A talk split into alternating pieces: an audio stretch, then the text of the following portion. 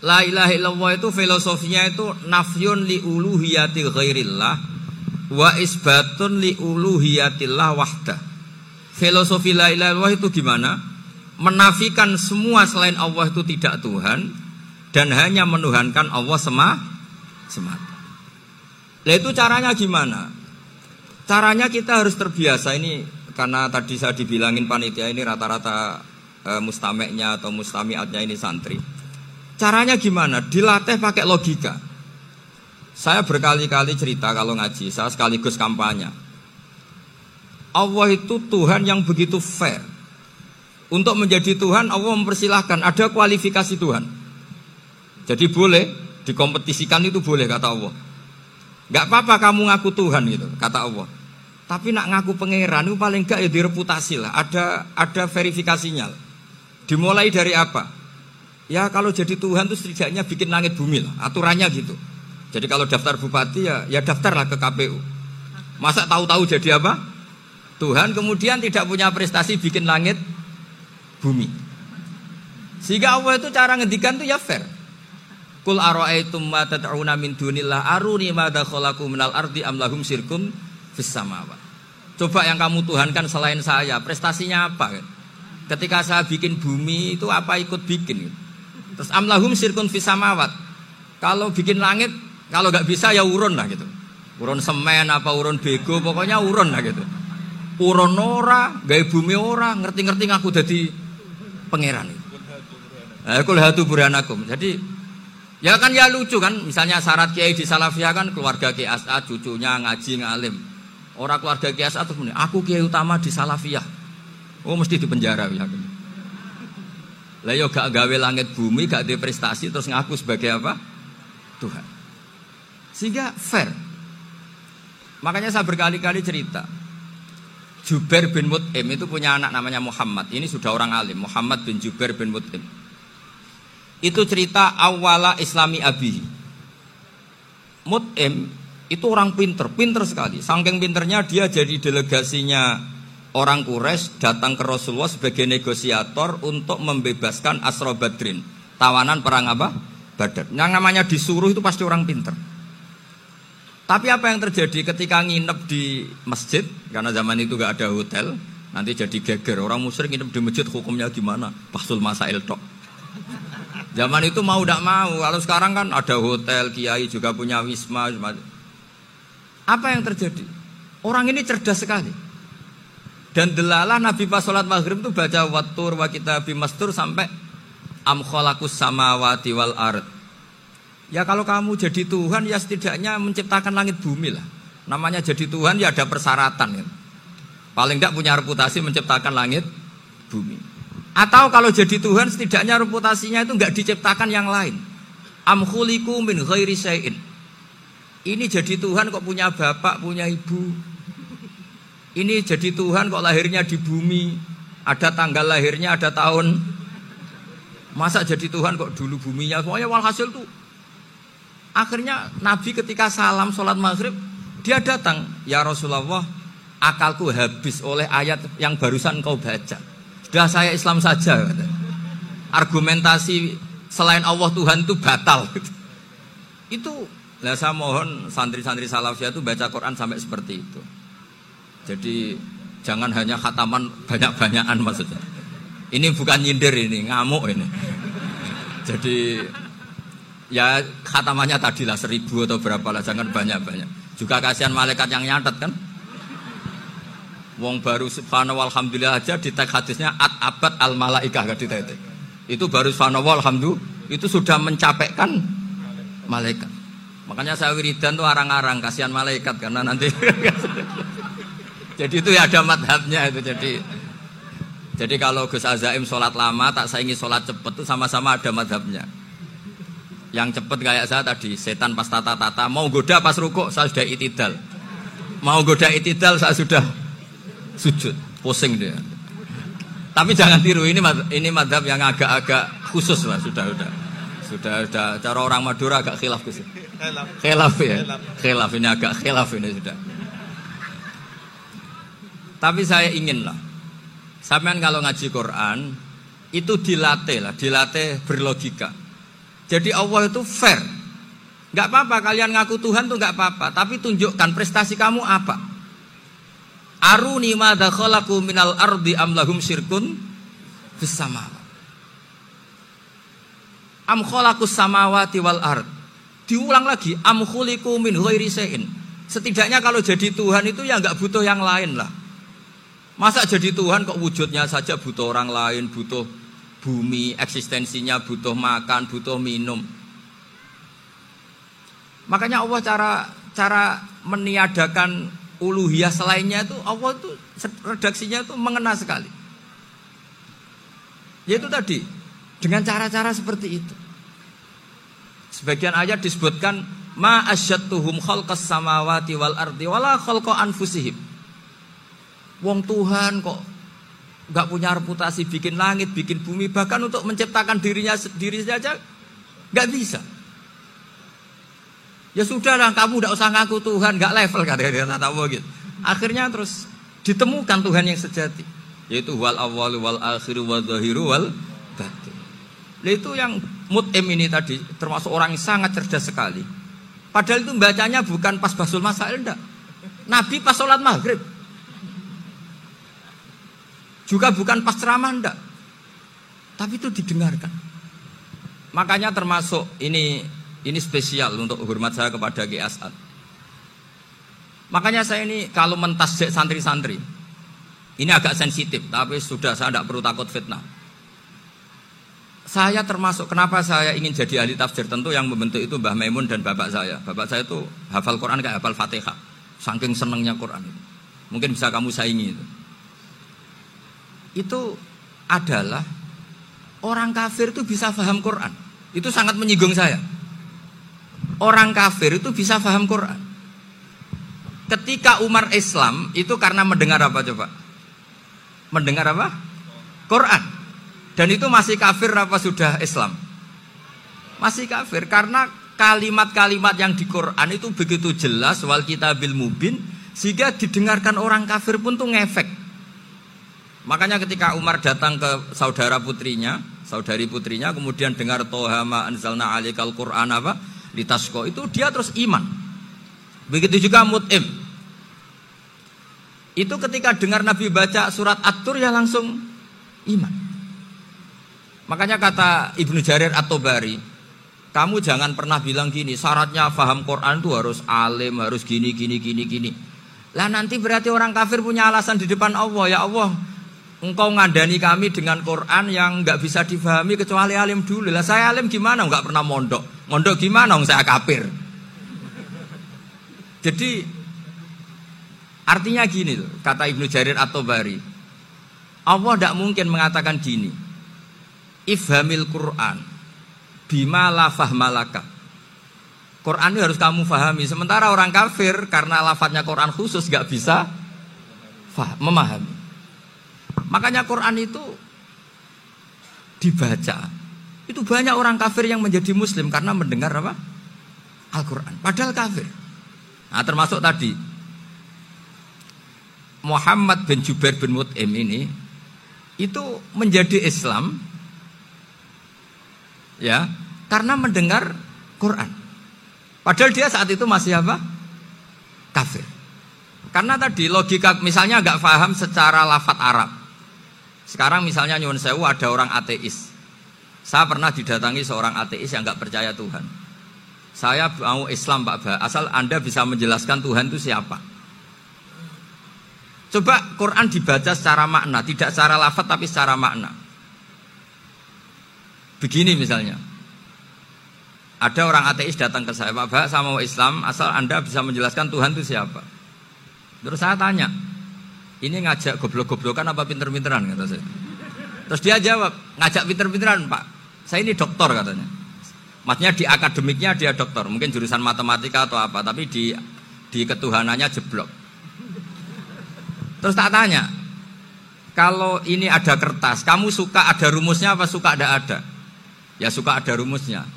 Kenapa ada kertas? Ya karena ada yang bikin. Nah kira-kira berstatus membikin atau membuat itu sesuatunya mewujud apa enggak? Ya pasti mewujud lah, pasti ada. Ya sudah, anggap Tuhan itu adalah sebab dari semua yang ada. Masa alam yang seperti ini, langit dan bumi ini mau judat, kemudian kamu katakan kholakohal adam, bahwa alam raya yang maujud ini diciptakan oleh ketiadaan. Ya juga, berarti Tuhan itu ya. Ya ya itu yang namanya Tuhan. Lah mulai dulu kiai-kiai ngomong gitu kan saya Islam katanya. Jadi kiai-kiai itu kadang-kadang kalau dakwah pokoknya KBU digawe Tuhan. Beda dengan dakwanya orang-orang mantek. Orang-orang mantek itu kan nggak pernah nyebut Allah. Ini alam khawatis, labudamin muhtis. Meskipun mereka, nah muhtis ini menurut Islam namanya Allah. Tapi sebetulnya kan nggak langsung bilang Allah. Jadi tak kasih tahu, alam raya ini wujud gak? Ya wujud Pak Pak. Bisa nggak sesuatu yang nggak ada menjadi faktor wujudnya yang ada? Ya tidak bisa namanya nggak ada itu nggak bisa jadi faktor. Nah itu hebatnya ulama-ulama kita ketika mengenalkan Allah itu siapa? Zat yang wajibil wujud. Jadi kita ini kalah pinter be ulama-ulama dulu. Ya alhamdulillah kalahnya sama ulama dulu. Kalau kalah sama ulama sekarang isen lah. Jadi ulama dulu sudah pinter. Pasti pertanyaan dasar manusia, hadil maujudat tuh man kholakoha, siapa yang menciptakan? Kalau kamu langsung jawab Allah atau Tuhan, mereka pasti tidak nerima. Ya jawab saja, hadil maujudat mesti kholakoha maujudun. Nah berhubung maujud ini berstatus pencipta, harus super. Nah super ini oleh ulama disebut wajibul wujud atau musabibul asbab yang oleh Islam dinamai Allah. Tapi kita langsung ngomong Allah, ya mesti aja bingungkan kan bagi yang bagi yang bingung maksudnya. Ya saya mohonlah kalimat-kalimat la ilaha illallah itu diamati lah, diresapi sampai seperti penjelasan saya ini sehingga punya kualitas ilmu. Karena syaratnya memang fa'lam, harus punya kualitas apa? ilmu. Ilmu itu apa? Ma'rifatus syai' ala ma huwa alaih. Mengenal sesuatu sesuai detail-detail sifatnya sesuatu itu.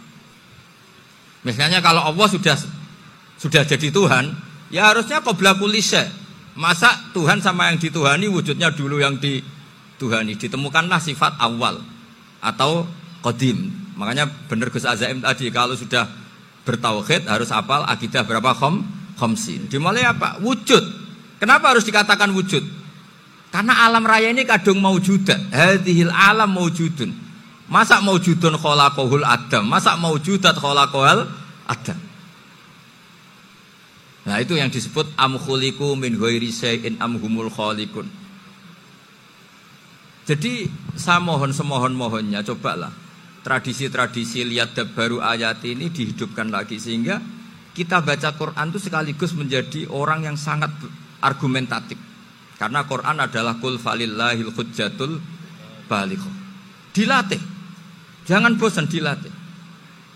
Makanya kalau saya baca ayat-ayat seperti itu cek fair ya Allah. Fair betul. Gak apa-apa saya punya pesaing kata Allah. Tapi yang imbang dong. Pas aku gawe langit ya bantulah. Atau ada langit tandingan lah kira-kira gitu. Kalau saya bikin bumi ya ada bumi. Nah misalnya sekarang orang Cina bikin matahari. Materinya dari mana coba? Dari yang sudah ada sekarang kan? tetap saja agak ikut bikin kan. Tapi kalau Allah bikin langit bumi minal adam milal wujud. Kalau mereka paling rekayasa yang sudah wujud di otak atik. Nah, harus sampai seperti itu. Sampai kata Gus Azim kul hatu apa? Burhanakum tadi. Jadi ini cara-cara kita untuk menguatkan iman.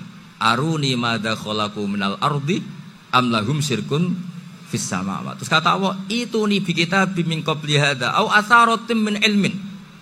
Kalau kamu nggak setuju teori ini kata Allah, cari kitab suci versi Anda. Aturan jadi Tuhan itu apa coba? Ya tetap saja semua kitab suci akan mengatakan di mana-mana Tuhan itu pencipta langit dan bumi. Jangan yang lahir di bumi jadi Tuhan. Jangan lata uzah jadi Tuhan. Jangan karena sakti jadi Tuhan. Nah ini di sini pentingnya ilmu balago, ilmu mantek yang alhamdulillah di pondok-pondok kita masih diajari. Makanya kata mantek Sebetulnya ilmu akal hanya menemukan hadil maujudat kholakoha maujudun. Nah yang maujud ini siapa? Ya wajibul wujud. Nah kemudian Islam menamai ini Allah subhanahu wa ta'ala. Makanya ulama dulu itu kalau ngedikan Allah itu siapa? Zat sing wajibul wujud. Itu filosofinya luar biasa. Karena dengan seperti ini bisa menafikan teori ateisme. Bahwa alam raya ini diciptakan oleh ketia Dan makanya saya bilang tadi, ngajak goblok-goblokan apa pinter-pinteran gitu. Lah ngajak goblok-goblokan yang ini, hadhil mau maujudat khalaqahal adam. Terus kita goblok bareng. Loh iya kan barang maujud diciptakan yang tidak maujud. Wong ora wujud kok mempengaruhi sing wujud. Ya monggo nak goblok bareng kata. Akhirnya, gak lho Gus, saya ini dokter masa kamu ajak goblok? Ya sudah pinter saja kata saya. Alhamdulillah karena e, debat kecil ini dia menjadi nyaman lagi dengan apa? Islam. Memang saya tentu nggak bisa disalahkan doktoralnya karena di ilmu yang selain apa? Teologi gitu. Tapi kan polanya dia pasti pinter. Makanya ini sekaligus mengingatkan anak-anak lah. Kecakapan menjelaskan itu harus dilatih karena di antara kelebihannya Quran itu wal kitabil apa? mubin, yaitu kitab yang punya kemampuan menjelaskan. Ini yang terakhir saya beri contoh. Terakhir ini penjelasan Quran. Dulu orang kafir itu cara berpikir itu begini, Muhammad, urusan kita ini banyak, problem kita banyak. Masa iya urusan yang banyak ini cukup dengan satu Tuhan? Kalau problem banyak ya Tuhannya harus banyak. Ada Tuhan pohon, Tuhan hujan. Ya kayak Cina itu ada Dewi Kuan Im keberuntungan, ada yang sial, yang pokoknya diurus yang banyak lah. Maka mereka bilang aja alal alihata ilaha wahida indah adalah syai'un ujab. Ini aneh urusan banyak kok Tuhannya satu ini aneh lah. Tapi Nabi secara sabar dan yang diomongnya orang kafir. Tidak anak mahatali, orang kafir. Jadi nanti kalau anak mahatali gak paham Quran kebangetan orang kafir saja paham. Akhirnya Nabi secara santai, secara rileks memberi penjelasan gini. Kalau Anda menjadi buruh, kalau orang Arab dulu bilang abdan, kamu suka nggak punya majikan banyak, perintahnya beda-beda, semuanya memaksa kamu untuk nurut. Sama punya majikan satu yang baik. Ya nggak suka lah Muhammad kalau majikan saya banyak, semuanya berhak merintah saya tidak enak. Majikannya satu saya, satu saja. Terus kata Nabi, Tuhanmu itu majikan kamu. Kalau Tuhannya banyak, kamu bingung. Nanti perintahnya banyak. Akhirnya mereka paham. Dan itu segampang itu Allah memberi penjelasan. Dorobawa masalah rojulan fihi syuraka umutasyakisuna wa rajulan salamal lirajul. Hal yastawiyani masalah? Alhamdulillah. Langsung diberi analogi. Kalau kamu jadi buruh, punya majikan banyak yang perintahnya beda-beda. Kemudian jadi buruh yang majikannya satu, kamu milih mana? Ya milih satu Muhammad. Ya sudah. Kalau Tuhannya banyak, perintahnya banyak, kamu juga bingung. Langsung menjadi faham. Ketika ada orang tidak ikhlas, Nabi cara memberi penjelasan juga gampang.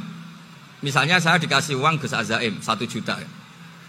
Kemudian matur nuwun saya sama Pak Afif, aneh nggak? Saya ini orang aneh nggak? Orang aneh nggak? Itu Nabi kalau mencontohkan orang tidak ikhlas gitu. Kata kata Rasulullah, orang tidak ikhlas itu sebagaimana orang beli budak.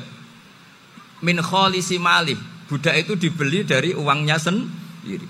Kemudian Fa'amilah hadal abdu budak ini kemudian bekerja dan tahu Hasilnya dikasihkan sama orang lain. Terus Nabi memberi percontohan. Ayat surukum ayakuna abdukum kadalik. Apa kamu suka kalau budak kamu seperti itu? Dulu orang-orang dulu kan beli budak untuk disuruh bekerja terus disuruh setor apa hasilnya. Jadi budaknya kamu yang beli, yang biayai. Kalau sekarang mungkin gak ada budak gini lah. Saya nyuruh Zaid tak kasih mobil, tak kasih bensin, tak kasih uang jalan supaya narik angkot. Hasilnya disuruh ngasihkan saya. Ternyata dikasihkan orang lain dan matur nuwun sama orang. Kamu suka punya budak seperti itu? Ya tidak suka ya Rasulullah. Ya ibaratnya seperti itu. Bumi yang bikin Allah, nyawa kamu yang bikin Allah, semua fasilitas dari Allah. Kemudian kamu menyembah selain Segampang itu. Dan Nabi telaten sampai dulu yang mayoritas orang kafir menjadi mayoritas muslim dan semuanya tanpa paksaan la ikroha fitin karena kota bayana rustu minal Nah, cara tabayana gimana? Yaitu punya kemampuan menjelaskan. Wal kita apa? Mubin. Ini makanya saya mohon lah. Ini saya mohon semohon mohonnya anak-anak ini. Ini kan kader-kadernya Mbah Samsul Arifin, Mbah As'ad, Gus Fawaid, sekarang Gus Azaim, semuanya harus punya kemampuan wal kita apa? Mubin. Sehingga di antara sifatnya Nabi itu fatona punya kecerdasan. Nabi itu gak pernah debat kalah itu meskipun sudah terdesak gak pernah kalah. Pernah Nabi itu ngendikan la adwa wala tiarata, tidak ada penyakit menular. Ada orang yang mungkin kurang suka iseng, ada onta yang sudah gudiken dijejerno sama yang waras. Ternyata yang waras jadi gudiken. Akhirnya Nabi diundang lah kira-kira gitu. Ya Rasulullah kata engkau gak ada penyakit menular. Tapi ini onta yang gak gudiken tak jejerkan yang gudiken ikut gudiken. Berarti kan menular. Nabi santai jawab. Faman jarrobal awal. Lalu yang pertama gudiken ketularan siapa katanya. Wah kalau ini asli Nabi ya, ya sudah seperti itu. Jadi ngiranya dia menang karena yang gudikan pertama nulari yang kedua. Ternyata Nabi tanyanya lagi, faman jarrobal awala yang gudikan yang pertama siapa? Oh ini asli ya, ya maksud saya itu. Jadi Nabi itu gak pernah kalah. Karena Nabi punya apa? Fatona. Jadi saya mohon ya tadi makanya ini efeknya itu khatamannya gak boleh banyak-banyak ya. Maksud saya kalau musim khataman ya gak apa-apa, khataman banyak-banyak. Tapi kalau gak musim khataman ya musim-musim tadabur gitu. Tapi ya tapi kalau ini musim khataman ya monggo lah. Cuma saya kok kasihan malaikatnya tadi itu kok. Ya minta maaf. Assalamualaikum warahmatullahi wabarakatuh.